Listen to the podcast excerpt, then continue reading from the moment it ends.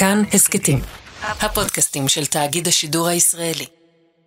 זה קרה ביום שני אחרי הצהריים. אתם בטח זוכרים היטב, אי אפשר היה לפספס את זה. את השקט שהשתרר פתאום. הודעות הוואטסאפ הפסיקו להגיע, הקבוצות דממו, פתחנו פייסבוק והפיד לא הצליח להיטען. בייאושנו, מיהרנו לאינסטוש. נאדה. מת העולם.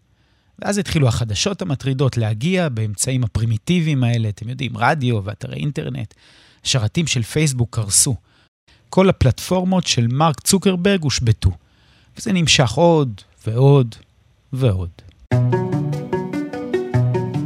היי, אני אורן אהרוני, ואתם מאזינים לעוד יום, הסכת האקטואליה של כאן. כן, הייתי קצת סרקסטי בפתיחה, אבל איך שלא נסובב את זה, אנחנו תלויים בחברת פייסבוק באיזשהו אופן, שהיא מונופול בתחומה, ולאט לאט משתלטת על עוד ועוד תחומים בחיינו.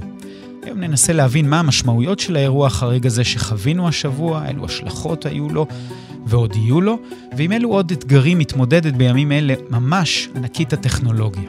את כל זה נעשה בעזרת דוקטור יובל דרור, חוקר תקשורת ומגיש הפודקאסט עושים טכנולוגיה. שלום יובל. אהלן אהלן. גם אתה, כמו כולם, הרגשת קצת חסר אונים בשקט הזה? כן, אני מתאר לעצמי שכולם בשלב הראשון הסתכלו, אמרו, רגע, מה קורה פה? תאבנו עוד פעם התנתקתי מהאינטרנט, חיבו את הטלפון והפעילו אותו מחדש. יש לי הרגשה שמיליוני אנשים ברחבי העולם, אחרי שהם לא חיבו את הטלפון שלהם במשך שנים, פתאום חיבו והפעילו אותו מחדש. ואז אתה מתחיל להבין שיש פה בעיה קצת יותר כוללת, אז כן, קשה היה להחמיץ את התקלה הזו. אבל גם היה קשה לבדוק, כי רציתי לשלוח וואטסאפ למישהו, לשאול אם הפייסבוק עובד או אם זה עובד, כלום. כן, זה, זה באמת טיבה של המערכת האקולוגית שפייסבוק יצרה סביבנו, היא באמת מקיפה אותנו מכל כך הרבה מקומות, שהדבר היחיד שנשאר לך זה הודעת אס.אם.אס. אלוהים אדירים, האס.אם.אס חזר לחיינו. איך אתה אגב התמודדת עם זה? פתאום שלחו לי אס.אם.אסים, כל מיני אנשים פתאום שלחו הודעת טלגרם, פתאום הטלגרם התעורר לחיים, אנשים חיפשו אלטרנטיבות. אז בוא נתחיל ברשותך בהתחלה.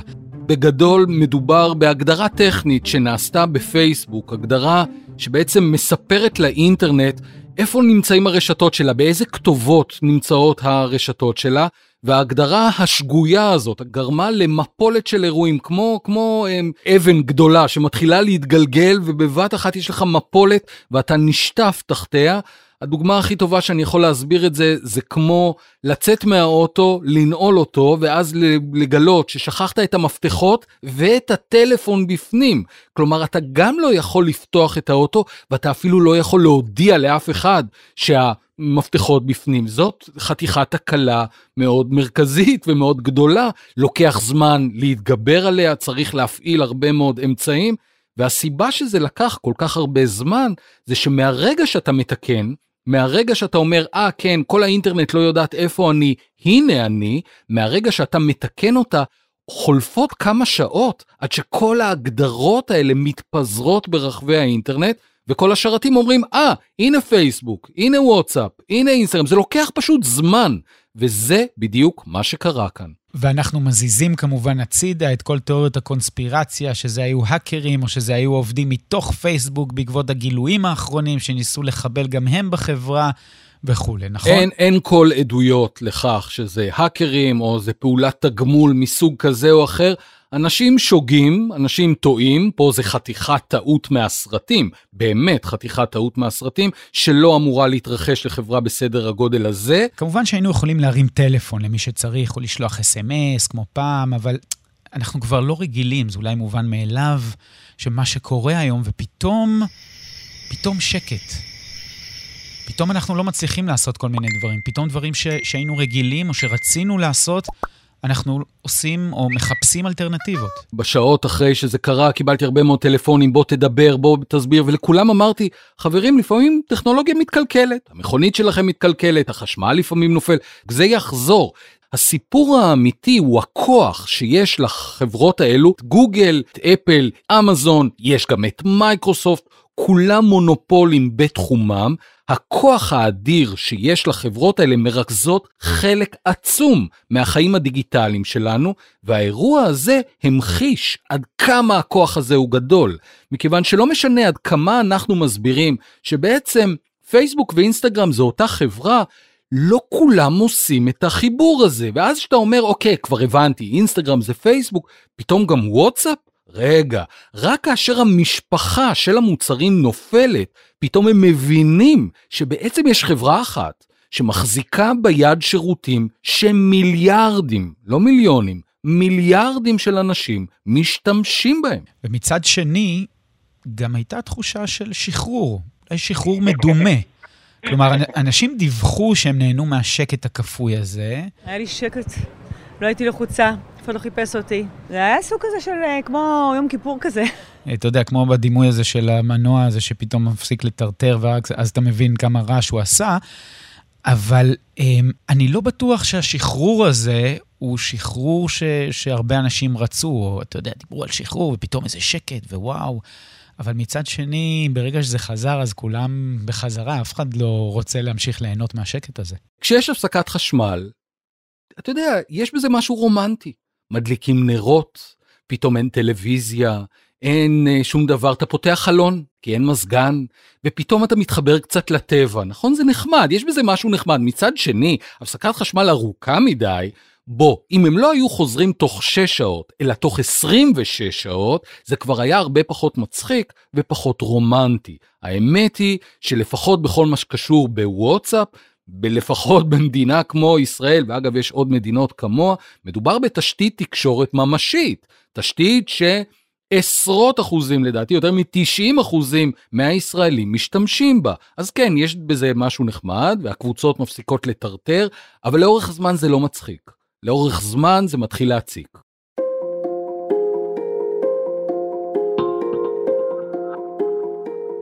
מה סוד הכוח בעצם של, של פייסבוק? כלומר, אפשר לשים את זה ב, ב, במספרים, בהשפעה, אה, אה, להתחיל לנסות לכמת את זה, אמ, כמה היא משפיעה על החיים שלנו בכל העולם, ו- וגם מבחינת כסף ומספרים ו- ו- ונתונים? זה משהו שאפשרי לעשות מבחינת הכוח? כן, אפשר, אפשר להכניס את זה למספרים, למרות שגם זה לא תמיד אומר הרבה, כי המספרים כל כך גדולים שקשה לתפוס אותם. איך אתה מסביר לאנשים שיש שלושה מיליארד בני אדם, של בני אדם אמיתיים, שונים, האחד מהשני, שנכנסים לפייסבוק לפחות פעם בחודש. זה, זה מספרים מטורפים. פייסבוק שווה יותר מאינטל וקוקה קולה ונייק ואקסון מובייל ביחד. זאת אומרת, המספרים הם כל כך גדולים, שבאמת קשה להכיל אותם, קשה להסביר עד כמה היא גדולה. מאז 2015 החברות האלה צומחות בקצב של 20 אחוז, 23 אחוז, 30 אחוז בשנה. אלו קצבי צמיחה דמיוניים כמעט. פייסבוק, גוגל, כאמור, כל החבר'ה האלה הם דוגמה לכשל שוק שאנחנו סובלים ממנו. זה נשמע מוזר כי אנחנו לא משלמים על המוצרים, אז אתה תגיד לי, יובל, אבל אני מקבל את זה בחינם. אבל זה לא בחינם. ומעבר לזה, יש גם את העניין של השפעה על החיים. לפעמים אנחנו לא מודעים כל כך עד כמה זה משפיע, לפעמים על, אה, אה, על מה שאנחנו חושבים, על מי שאנחנו רואים, עם מי אנחנו מתקשרים, לפעמים גם בהיבטים פוליטיים, לפעמים בהיבטים צרכניים כמובן. כלומר, זה, זה משפיע הרבה פעמים בלי שאנחנו מודעים לזה בכלל. אתה לגמרי צודק, עד עכשיו דיברנו בעיקר על השפעות כלכליות ועל זה שכולנו משתמשים, אבל אוקיי, אז אנחנו משתמשים, מה אז?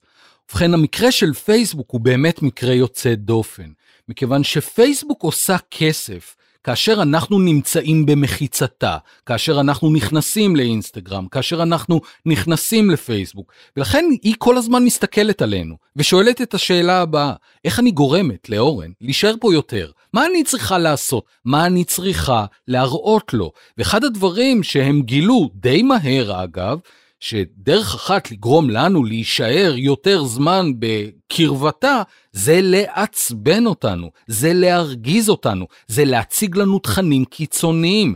תכנים שגורמים לנו לתגובה רגשית. תגובה רגשית גורמת לנו להגיב, לשתף, לעשות לייק, לעשות כל מיני דברים. והנה אנחנו שם, אנחנו מעבירים לה יותר מידע. היא יודעת לעשות מזה יותר כסף. יש פה מין מעגל כזה, מעגל תגמולים, שבעצם פשוט מפרק את החברה. פשוט דוחפת אותנו לקצוות. היא הופכת אותנו למקוטבים יותר, עצבניים יותר, כועסים יותר.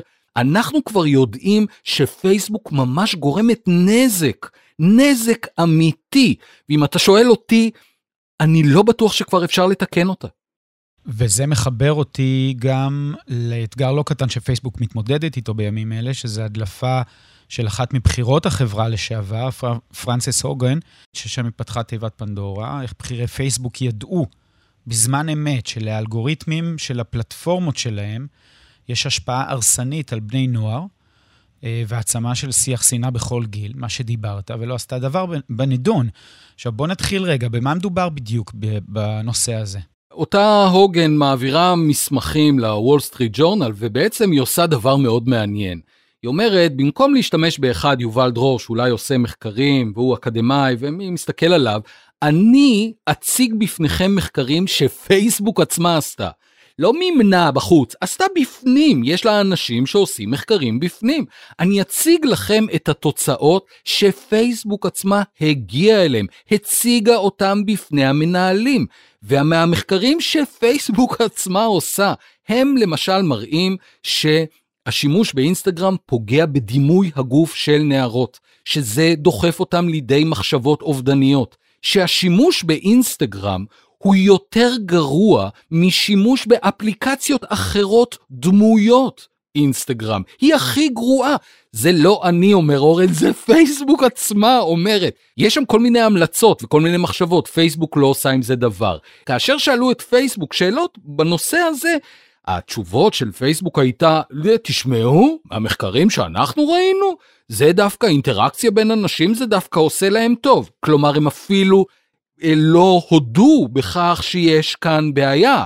בכך שהם הגיעו לתוצאות אחרות לגמרי. כשאנחנו כותבים משהו בפייסבוק, לא עלינו, באמת נוקטים בלשון אלימה, או מאיימים על מישהו, פייסבוק יכולה להסתכל עלינו, ואפילו משתמשים אחרים מדווחים עלינו, ואז פייסבוק אומרת, סליחה, אדוני, פה יש כללי התנהגות, פה יש כללי קהילה, אתה לא יכול לדבר ככה, וזורקים אותך, נכון?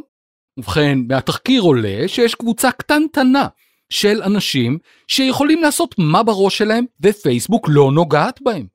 היא לא נוגעת בהם מכיוון שיש בהם, להם הרבה עוקבים, הם אה, אנשים מאוד מפורסמים, הם יכולים לפרסם פורנו נקמה, הם יכולים לקרוא לרצח של אנשים, ופייסבוק לא תיגע בהם.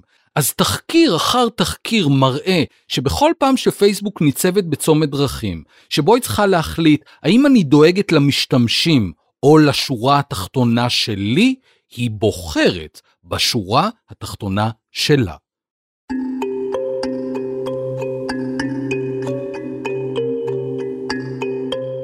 אחרי שדיברנו עם יובל דרור על ההשפעה על החיים ואיך שימוש בפלטפורמות האלה פוגע גם בדימוי הגוף של אה, נערות, אז באינסטגרם של ערן סוויסה, כתב הבידור של ישראל היום, הוא מראה תמונות של ידועניות, דוגמניות, זמרות, של לפני הפוטושופ ואחרי הפוטושופ, וזה מייצר גם סערה מאוד גדולה, במיוחד אצלן, אחרי שהם ראו שהוא פרסם את זה. אז אנחנו מתקשרים עכשיו לערן סוויסה, כתב הבידור של ישראל היום. אהלן ערן. אהלן, מה נשמע? אני בסדר, מה איתך? אה, בסדר. מה אתה עושה? תגיד לי, מה אתה עושה? מה אתה לא. עושה? אתה הורס לסלבס את הדימוי. לא התכוונתי, לא, לא התכוונתי. אה, דיברנו כן. על ההשפעה על החיים ואיך שימוש באינסטגרם פוגע בדימוי הגוף של נערות, ואתה מעלה תמונות של לפני ואחרי. כן, אני בעצם לוקח תמונות אה, של הנשים הכי יפות בארץ, אפילו לא את האמצע, לא סתם אה, את הכי יפות, ומראה בעצם איפה התמונה הזאת עברה עיבוד, איפה היא עברה שינוי. עכשיו, אה, כולם, כולן במקרה הזה, אה, עושות אה, פוטושופ, כולן משחקות עם התמונה, פילטרים, מי יותר, מי פחות, ואני בעצם אה, מראה איפה התמונות האלה עברו עיבוד או שינוי משמעותי. כלומר, תן דוגמה כדי שנבין מה זאת אומרת עברו עיבוד או שינוי. אה, אז כשאתה נוגע באיבר מסוים או באזור מסוים בתמונה, אז אתה מזיז משהו אחר. אז הרבה פעמים אתה רואה נגיד רצפה עקומה, או שאתה רואה פתאום אה, הגלים של הים נגיד, מצד אחד שהם, אה, שהם שטוחים, ואז, ואז פתאום בצד השני אתה רואה את הגלים כאילו אה, ארבעה מטר גבוהים, כאילו מעוותים כאלה. ניסו לייצר מותניים, ניסו להאריך את הרגל, ניסו להבליט ישבן. אז מה באמת משפצים בדרך כלל? מותניים וישבן? אז ו... uh, יש כימור בגב, בין הישבן לגב, שהוא כאילו מעבר, לכולנו יש את המעבר הזה, ואצלן זה כאילו, אתה יודע, באמת אתה יכול, כאילו, זה כבר, יש דוגמניות, זה נראה כבר כבר סל, מרוב שזה כאילו אה, מוגזם. אה, רגליים, כולן, אה, במיוחד החלק העליון של הרגליים, הברכיים, מציירות שם. למה בעצם אתה עושה את זה? אני עושה את זה מסיבה אחת אה, פשוטה. אני רוצה שהבת שלך, שנכנסת לאינסטגרם, אה, שהם יראו את התמונות האלה, והם ידעו שזה לא אמיתי. כלומר, התמונות מאוד יפות, הגוף מאוד יפה, וזו זכותה של כל אחת לעשות מה שהיא רוצה, להרים את השיער, לה- להרים את הרגל או את האף, אבל כשאתם מסתכלים על התמונות, תדעו שזה לא אמיתי. זה לא נראה ככה. למעט מאוד נשים בעולם יש מותניים כאלה צרות. וזהו, זה הדבר היחיד שאני לא בא לעצור את זה. אני לא יכול לעצור את זה, אין לי את הכוחות לעצור את זה. עכשיו, הן כועסות, קיבלת תגובות זוהמות, נכון? נטלי דדון ועדן פינס שיצאו נגד הפינה הזאת אה, בפוסטים שלהם. במקרה הזה אני אפילו שמחתי על התגובות האלה, כי גם צריך להראות את הצד שלהם ולראות מה הן אומרות. ולשמחתי, הטיעונים שלהם היו בעיניי לא טובים, אז אה, זה אפילו העצים עוד יותר את החשיבות של הפינה הזאת ולמה היא צריכה להתקיים. עדן טענה שזה שלפה את הקלף השוביניסט פמיניסט, אז אה, אני מוכן לקחת על המצפון שלי את העלבון של נטלי דדון. אבל לפעמים, במקרים כאלו, אולי אפילו של דוגמניות, דוגמנים, מדובר גם בחלק מהפרנסה שלהם. אה, נכון, אבל לא- בגלל הפינה הזאת אף אחד לא רוצה שתיגמר לה הפרנסה. אה, זה לא יפגע לה בפרנסה. תשמע, זה לא שהן ממציאות עכשיו, אתה יודע, הן- שמנות מאוד והופכות להיות ברזון בלתי הגיוני. הן פשוט משחקות, הן מראות אה, מודל, אה, גוף שהוא לא הגיוני, זה מה שאני בא להראות. אם ה-20 אלף בנות שנחשפו עכשיו לפינה הזאת, ושיניתי להם משהו בחשיבה, או בפעם הבאה שהם יסתכלו על תמונה ויגידו, זה לא אמיתי, אז אני ממש עשיתי את שלי, ואני מבסוט על זה. וצריך לומר עוד משהו, גם מבחינתנו, אנחנו עיתונאים, ובעיתונות גם עושים את הדברים האלה, אה, ולא מעט, יש שערים של כל מיני אה, רעיונות עם כל מיני סלבס שמשפצים אותם, אה, וגם בפרסומות. כלומר, זה לא רק שהן עושות את זה או עושים את זה באינסטגרם הפרטי שלהם. כן, לא, לא, זו תופעה, תראה, אנחנו לא הראשונים שמדברים על הפוטושופ, וכנראה גם לא האחרונים, וכל פעם זה בא והולך בצורה אחרת, הדיון הזה, ובקמפיינים, ובכל מקום יש פוטושופ. השאלה היא כמה פוטושופ, ובמקרה הספציפי הזה שלנו, בגלל שאנחנו מדברים עליו כרגע, שזה באינסטגרם, וזה כל כך זמין, וכל היום, כל מה שאתה רואה זה בחורות פצצות עם גוף לא הגיוני, אז uh, יש לזה אה, חשיבות יותר גדולה ממגזין שאתה רואה פעם בשבוע אולי בדוכן כשאתה עובר בסופר. Uh, כתבה לי ילדה בת 11, ערן, הלכתי, בזכותך הלכתי אתמול לאכול גלידה שנמנעתי מלאכול המון המון זמן. Uh, אני כותבת לך מהמחלקה להפרעות אכילה, 80% מהבנות פה מהסיבות האלה.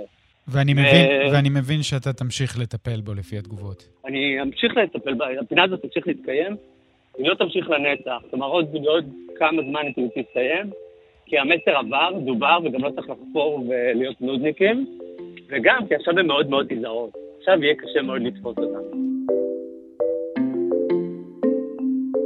ערן סוויסה, כתב הבידור של ישראל היום, תודה רבה. תודה רבה.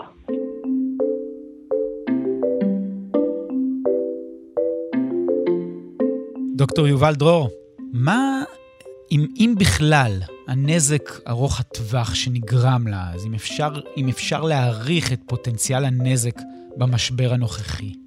מרק צוקרברג אלוף בהתנצלויות. באמת, יאמר לזכותו, יש שערורייה, הוא עומד מול מצלמה, אומר, אנחנו טעינו.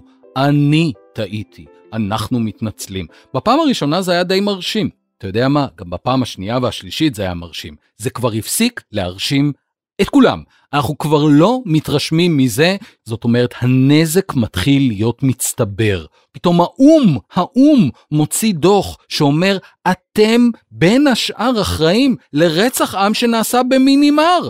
אתם יכולתם למנוע אותו. באו אנשים ואמרו לכם, משתמשים בפייסבוק כדי לארגן רצח עם, ואתם לא עשיתם שום דבר. הם ממש מצביעים על פייסבוק. אז זה כל כך רוחבי, שאני חושב שמה שקורה עכשיו זה שייתכן, ייתכן, שהגענו לאיזה tipping point, לאיזושהי נקודה שבה כולם אומרים, די כבר עם החברה הזאת. מספיק כבר.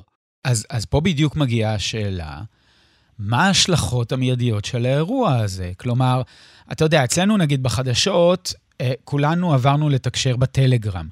אבל זה נמשך uh, עד שהסיפור הזה יסתיים. יש עוד פלטפורמות מתחרות, שבדרך כלל פה בישראל לפחות לא ממש משתמשים בהן. האם הציבור מבין את זה? האם הציבור יעזוב אותם? האם יש לציבור בכלל אלטרנטיבה לאן לעזוב אחרי שהתחלנו את הפודקאסט הזה עם ההבנה שאנחנו די התרגלנו לעולם הזה? אז בחלק מהמקרים אין אלטרנטיבה. אגב, אין אלטרנטיבה כי פייסבוק מחסלת אותה.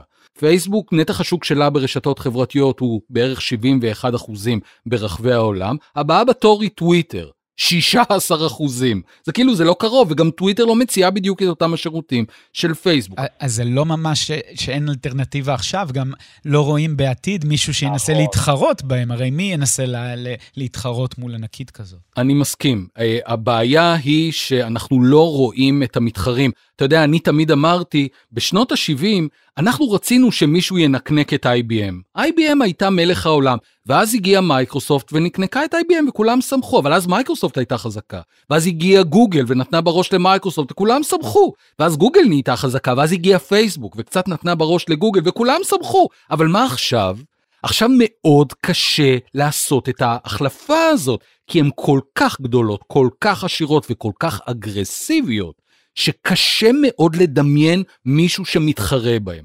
אז, באשר לשאלתך, אני לא בטוח שהישועה תבוא מהמשתמשים, למרות שאני מתחיל להרגיש איזושהי תחושת מיאוס, לפחות בכל מה שקשור לפייסבוק. אם אני הייתי צריך להסתכל על מאיפה מגיע האיום הגדול ביותר על פייסבוק, האיום מגיע מכוחות של רגולציה. יש כל מיני סגמנטים בעולם שלנו, כל מיני טכנולוגיות שאנחנו מפקחים עליהם. אתה לא יכול לעלות עם מכונית ולעשות מה שאתה רוצה, יש רגולציה. אתה לא יכול להרים מטוס לשמיים ולעשות מה שאתה רוצה, יש רגולציה. אפילו על הטכנולוגיה שנקראת סיגריות. יש רגולציות, אתה לא יכול למכור את זה לילדים, אתה לא יכול לפרסם וכן הלאה. למה לא פייסבוק? אם אני שם אותך שנה קדימה, עשור קדימה, מה ההערכה שלך, איך זה ייגמר? באמת שקשה לדעת. אתה יודע, התנהל משפט הגבלים עסקיים נגד מייקרוסופט במשך הרבה מאוד שנים, פעמיים היא הפסידה, ובסוף לא פירקו אותה. בסוף לא פירקו אותה, היא יצאה מהמשפט הזה בלי פגע, אבל מצד שני המשפט החליש אותה, ובגלל שהיא נחלשה בסוף שנות ה-90 וראשית שנות ה-2000, גוגל יכלה לצמוח. אבל אני חושב, דבר אחד אני מוכן להמר, והוא שהסנטימנט הציבורי שאנחנו רואים עכשיו נגד פייסבוק, נדמה לי שהוא כבר לא יחזור לאותם הימים שבהם ראינו את פייסבוק וכולנו חייכנו וחיוך של אושר על פנינו. זה נגמר. מה יהיה מכאן והלאה? אנחנו נצטרך טיפה להמתין. אפשר גם אולי לסכם ולומר שבשביל הדור היותר צעיר, פייסבוק היא כבר לא הפלטפורמה המועדפת. נכון מאוד. דוקטור יובל דרור, תודה רבה לך. תודה לך. האזנתם לפרק של עוד יום, ערכו אותו דניאל אופיר ותימור טל, ביצוע טכני ראובן מן. אם היה לכם מעניין, נשמח אם תשתפו את הפרק. אם יש לכם הערות על מה שאמרנו, אתם מוזמנים ומוזמנות לכתוב בקבוצת הפודקאסטים שלנו כאן הסכתים. תוכלו לכתוב גם בחשבון שלי, אורן אהרוני, בפייסבוק או בטוויטר. את כל הפרקים שלנו והסכתים נוספים מבית כאן תוכלו למצוא באפליקציית הפודקאסטים האהובה עליכם, באתר שלנו וגם בספוטיפיי.